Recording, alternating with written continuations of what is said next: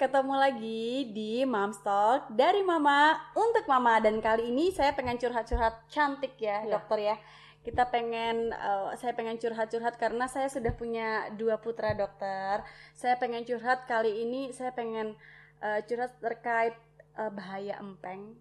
Oke. Seperti apa sih dok sebenarnya? Hmm. Kalau saya boleh curhat dok, eh, anak saya tuh dua. Yang pertama itu giginya sangat buruk rupa dokter, karena dia hobinya ngedot. Yang kedua juga sebenarnya pakai empeng juga, pakai empeng juga, tetapi giginya lebih eh, bagus. Itu faktornya apa sih dok sebenarnya dok? Kalau Oke. boleh tahu dok. Di sini saya akan membahas tentang yang ditanyakan Mbak tadi mengenai ini ya resiko pada gigi berarti ya Mm-mm, saya mm-mm. fokuskan ke situ. Jadi empeng sendiri itu bisa eh, menyebabkan kerusakan pada gigi memang. Jadi eh, nanti kalau misalnya empengnya kotor Mm-mm, atau mm-mm, mm-mm. eh, jarang diganti atau eh, ada bakteri di situ Mm-mm, atau mm-mm. jarang dibersihkan, tidak disteril, Mm-mm. Nah, dia akan menyebabkan kerusakan pada gigi eh, si anak tersebut. Nah, biasanya penyebabnya ter- eh, terdapat bakteri di gigi anak tersebut. Jadi Oke, ada kayak karies gitu ya kalau bahasa kedokterannya Mm-mm, atau mm-mm. hitam-hitam di area Gigi. giginya Ah, benar, sehingga lama-lama keropos Benar. dan rusak dan sangat-sangat bau ya mestinya ya. bener dokter. Nah, nah, Eh, kalau untuk bagaimana sih supaya anak tidak eh, ini ya seperti itu iya giginya iya ya. bener-bener dok. Nah, nanti dilihat umurnya sebetulnya, Mbak. Ah, ah, ah, ah. Kalau memang misalnya dia eh, sering ngempeng Mm-mm, dari mm-mm. bayi, paling nggak sampai enam bulan aja tuh, jangan lebih-lebih. Oh gitu Terus, dok. Iya, jadi kan sering ganti-ganti juga. Jadi jangan itu terus. Oh, kan empeng- biasanya empengnya itu ya dok iya ya? betul. Oh oke oke oke. Dan disesuaikan dengan umur juga. Oh Mungkin gitu. seperti itu.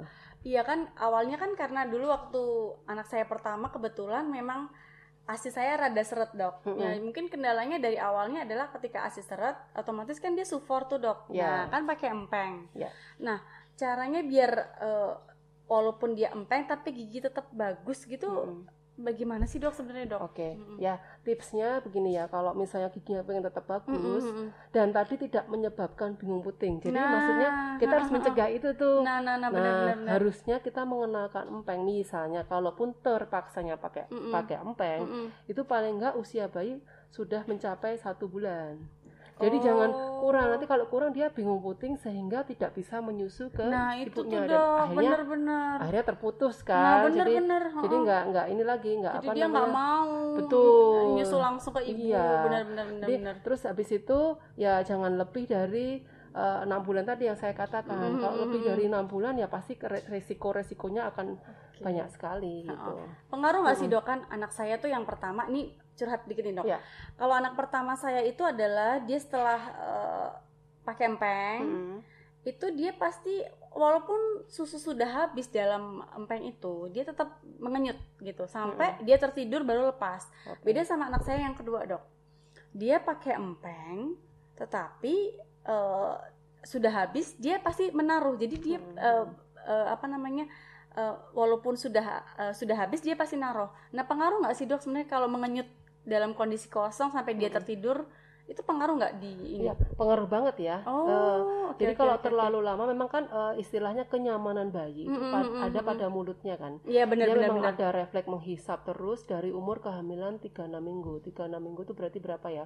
Sekitar 9 bulanan Sembilan ya. ah, mau melahirkan Ah, itu ya, mau ya. melahirkan itu sudah mulai ada refleks menghisap. Oh, Nah, oke. Kalau memang kita biarkan terus itu kan misalnya empeng disambungkan dengan botol dot yang kosong Iya, dan isinya cuma udara, otomatis lama kelamaan akan kembung kan. Oh iya gitu. benar-benar dok benar. Dan yang beresiko sekali adalah adanya tadi bekas-bekas susu di eh, empengnya itu yang Hmm. menimbulkan bakteri sehingga akan menyebabkan kerusakan di gigi si anak tersebut gitu. Oh oke. Masanya tadi 6, bulan tadi dok Iya, empeng iya, tadi ya. iya. Nah selain itu apa perlu ata- eh, perlu treatment khusus nggak dok Hmm. untuk biar anak itu tidak sudah selesai ya ditaruh gitu loh dok. Ada nggak? Iya, lebih baik memang ada konsistensi. Jadi Hmm. memang eh, mulai umur 6 bulan itu kita sudah mulai isi ibaratnya tuh menyapih ya, tetapi Mm, mm, bukan mm. menyapih yang dengan kekerasan. Iya. Pastinya Nggak boleh kan ngedut misalnya. Iya. Jangan nanti giginya jelek gitu Iya, ya. betul. Pastinya kan dengan winning with love Oh, ya. oh, Jadi oh. apa pun tetap kita beritahu yang positif walaupun bayi enam bulan itu sebenarnya sudah bisa merasakan dan mengerti gitu. tapi Iya, kan iya. tidak bisa kita langsung spontan Mm-mm, ambil gitu iya. pasti dia akan ada Menangis, trauma Dok. iya Mm-mm. betul dan kita harus konsisten konsisten tuh oke. jadi rutin dilakukan juga jadi lama kelamaan dia akan menghentikan empengnya ya paling lambat dua tahun lah kita eh, bisa menyetop empengnya itu Nah, itu nih PR Hmm. banget nih saya. Mhm. Nah, pengalaman anak pertama dan kedua nih, Dok. Kalau anak pertama saya Hmm. itu kan dia berhenti itu bukan karena paksaan kebetulan, Dok, kebetulan.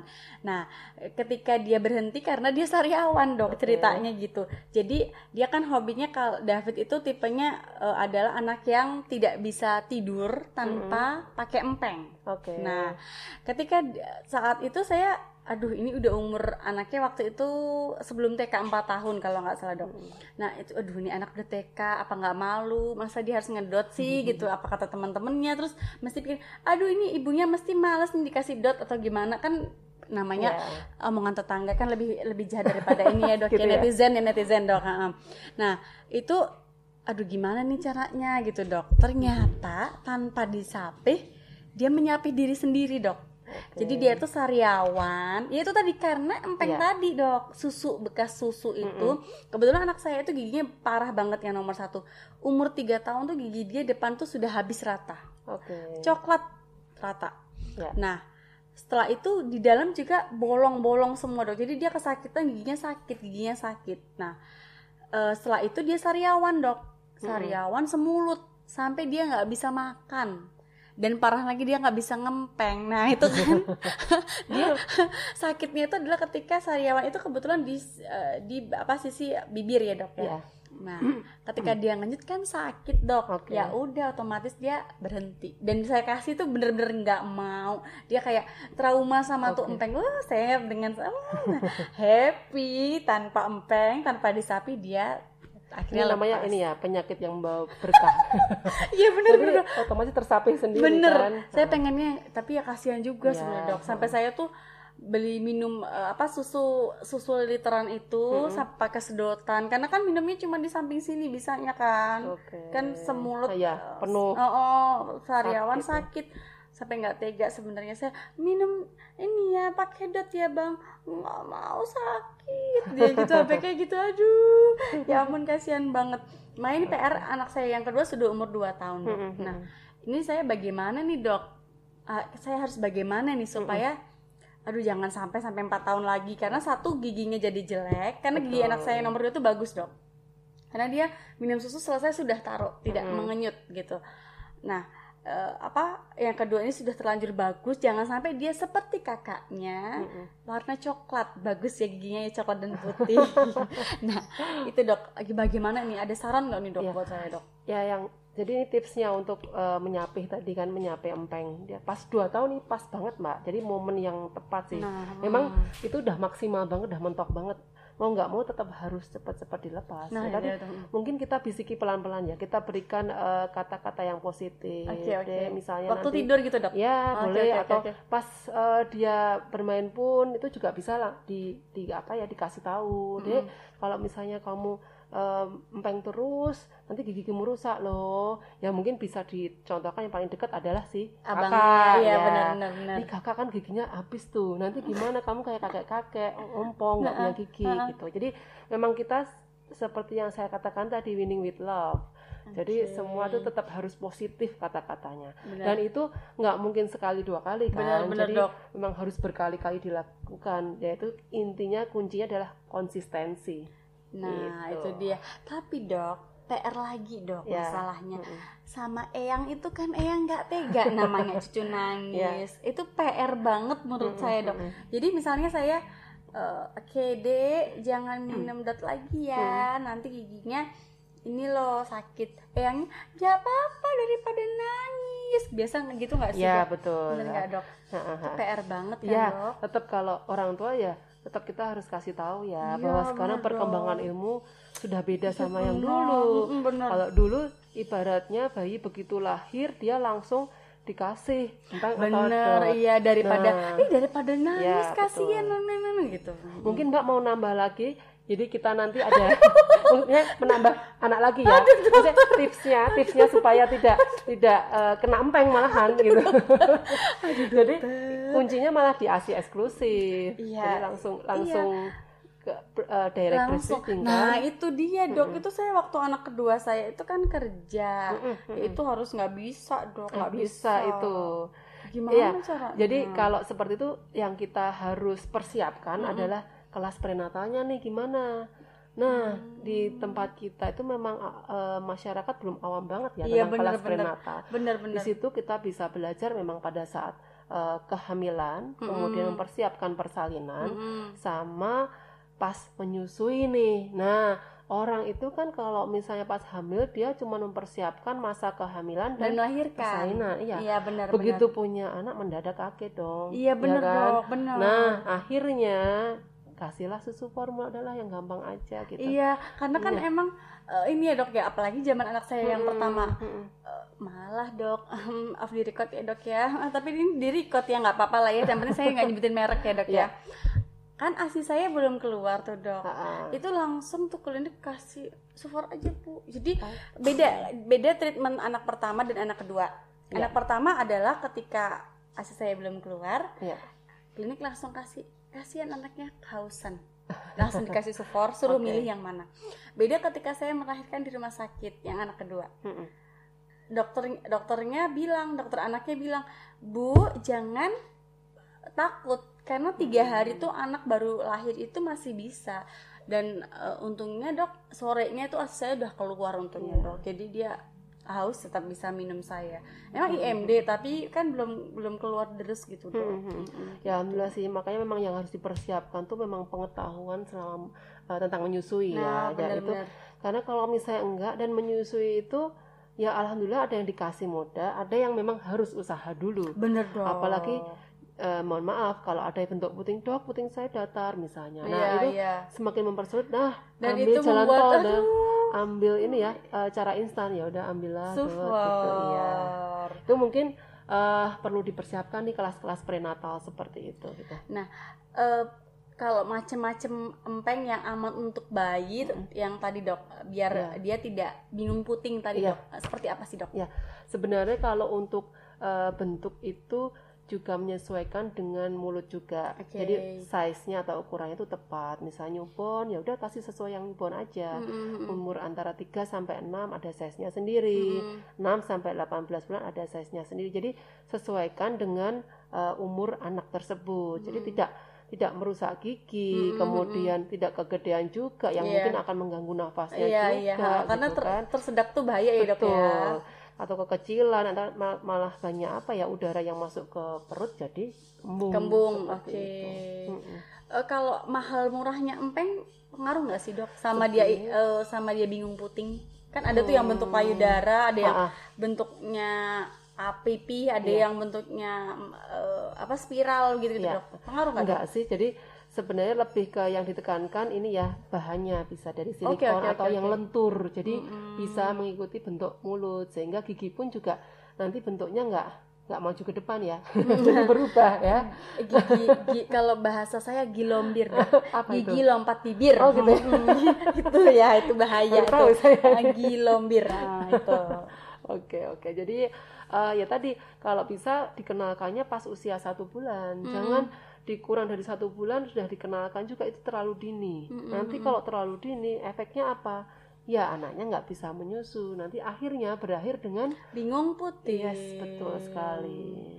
oke dok eh, sebenarnya empeng itu bahaya banget atau ada ada sisi positif juga dengan penggunaan itu dok Eh, setiap ini ya diciptakan kan pasti ada manfaatnya, ada resikonya juga. iya benar Ya. benar dok Kalau dalam hal ini mungkin kita bahas manfaatnya dulu nih. ya boleh boleh Ya. boleh boleh boleh Karena tadi sudah saya sebutkan bahwa bahwa anak itu nyamannya ada di mulut, jadi Iya. memberikan efek tenang, nyaman. Hmm, dia Jadi, relax yes, gitu ya dok ya bayinya gampang tidur nah ya. kan biar dia istirahat Betul. emaknya bisa ngapain Ya. gitu ya bisa istirahat juga Kemudian juga ini apa mengurangi resiko kematian mendadak. Biasanya kan bayi itu uh, ada juga kan kalau yang tahu. tidur teng- ada yang tengkurap kan tiba-tiba mungkin uh, hidungnya ketutup atau dia tiba-tiba uh, masuk fase tidur yang terlalu dalam sehingga otaknya tidak bisa mengontrol pernafasannya sehingga tiba-tiba meninggal. Oh ada dok ada, gitu ada dok. Juga. Oh baru jadi, dengar baru ya, dengar. jadi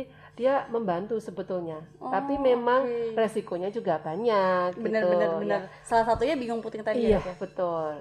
Bingung puting, infeksi di gigi, mempengaruhi pertumbuhan gigi, mm -hmm. terus kemudian menyebabkan infeksi di telinga. Jadi Duh. kalau uh, di telinga itu kan jadi antara mulut dengan telinga ini kan ada salurannya. Iya iya iya. Jadi kalau saya kita ngempeng eh maaf anak ya bukan kita ya ngempeng terus itu kan terjadi perubahan tekanan sehingga okay. uh, nanti bakteri atau cairan itu akan gampang ngumpul di telinga sehingga mengakibatkan gampang terjadi uh, infeksi telinga seperti oh, itu. gitu dok baru tahu nih baru ya, tahu. Betul betul. Waduh ilmu banget nih ya, ya punya anak dua harus dan dua-duanya kebetulan empengisasi dok oh, iya. jadinya harus Tetap banyak ya. belajar betul, betul. Dan PR banget untuk saya anak yang kedua harus lepas iya. ya dok ya. Nah dokter boleh uh, diceritakan juga nggak dok? Uh, sebenarnya empeng itu uh, apa namanya uh, mulai mulai bisa uh, apa diperuntukkan untuk baby itu umur berapa dok? Atau kan ada tuh yang biar nggak bingung puting dikasih sendok Ya. Nah, itu mulai berapa dok bisa dipakai sama bayi? Okay. Biar dia nggak bingung puting beneran. Oke okay, oke. Okay. Jadi kalau yang disarankan sendiri dari uh, dokter anak hmm. sebetulnya malah sebaiknya sih nggak usah pakai empeng, sebaiknya. Oh. Tetapi memang tadi kan Mbak juga ada problem dok, saya kerja. Sebetulnya iya. pun kerja itu kita butuh manajemen menyusui saja. Jadi misalnya nih saya ngalami sendiri nih, yeah, saya yeah, juga, dokter nih. Ah, saya praktisi menyusui juga. Jadi uh, saya mengatur waktu. Jadi mulai anak saya umur satu bulan itu saya mulai pumping. Jadi supaya dia itu pas kita tinggal kerja dia ada asi perah dan iya iya benar benar benar dan kita memberikannya pakai gelas atau pakai sendok oh. ya jadi bukan pakai dot biasanya kalau pakai dot akhirnya terjadi bingung putih. Iya benar benar benar ya. benar. Terus yang disarankan apa? Kalau misalnya ini dok nggak bisa nih dok kayaknya emang harus mempeng, iya, harus pakai dot nih. Ya, ya.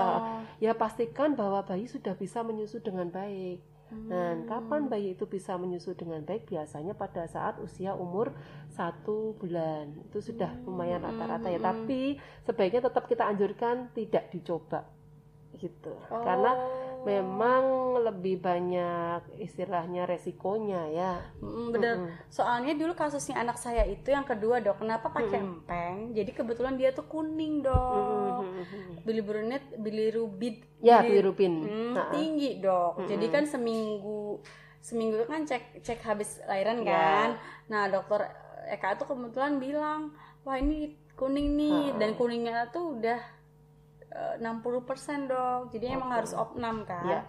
Nah, ketika kan kalau di uh, apa namanya ruang baby itu kan mm -hmm.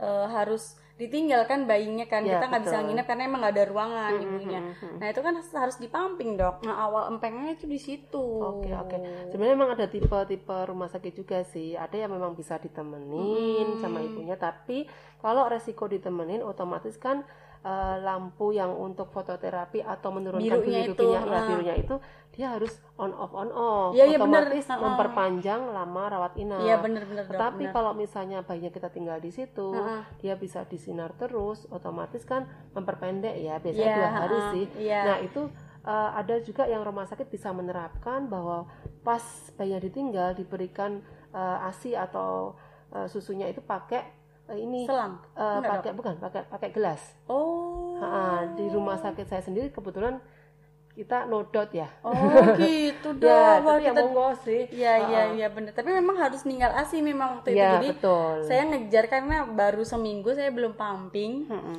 itu barengan sama ibu-ibu lain yang anaknya juga bilirubinnya tinggi. Hmm. kita pumping bareng terus ninggal asi itu. Jadi memang ya pakai empeng mau ya. tidak mau hmm. biar anaknya tetap apa namanya tetap uh, menyusul tetap menyusul. Tapi nyusul. waktu kita standby di situ sih dipanggil dok. Jadi iya. misalnya yeah. bayi ini, bayi ini hmm, gitu. Kita bisa kalau uh, langsung ya. Uh, gitu. Hmm. Tapi kalau kita ditinggal waktu malam itu hmm. emang kita stok asi. Gitu. Iya, betul. Ya, ya mungkin bisa tadi ya bisa belajar juga bahwa eh, ada metode lain yang digunakan untuk memberikan ASI, Nah, perah ya. Tapi jangan tanya lagi loh dok, mau coba yang ketiga gitu, jangan tanya, please Ya, mungkin tolong. pengen mempraktekkan yang betul ya. eh, tapi beneran dok, ini ya anak pertama saya kan ASI cuman tiga bulan dok. Ha-ha. Habis itu karena saya dulu masih jadi kerja di lapangan, kerja Ha-ha. di jadi wartawan, Ha-ha. jadi saya tidak mungkin pernah ASI di jalanan kan Ha-ha. gitu. Jadi memang eh, hanya tiga bulan aja asinya. Oke. Waktu saya anak kedua, saya sama suami komitmen pokoknya aku harus asi nih. Ya lumayan lah dok, Mm-mm. 8 bulan dok asi. ya Harusnya berapa ya Mbak ya? harusnya dua tahun Oh, ya. Diingetin sama dokter makasih terus dokter bilang mau nyoba yang ketiga gitu Ya. aduh dokter tolong nanti saya perasian lagi ya aduh Belajar jangan lagi ya. aduh dok udah dua anak cukup dok Gitu program ya. pemerintah dok sekolah Oh, ya, mahal boleh ya sekarang nanti ya. kalau daring sampai selamanya apa nggak pusing saya dok Banyak Bayang- rating ya dari ini. bayangkan nanti grup satu anak A, anak David. Grup kedua anak Jeremy. Yang ketiga adanya saya. Pusing dok. Satu aja pusing ya kan? oke. nah dokter boleh cerita sedikit nggak nih?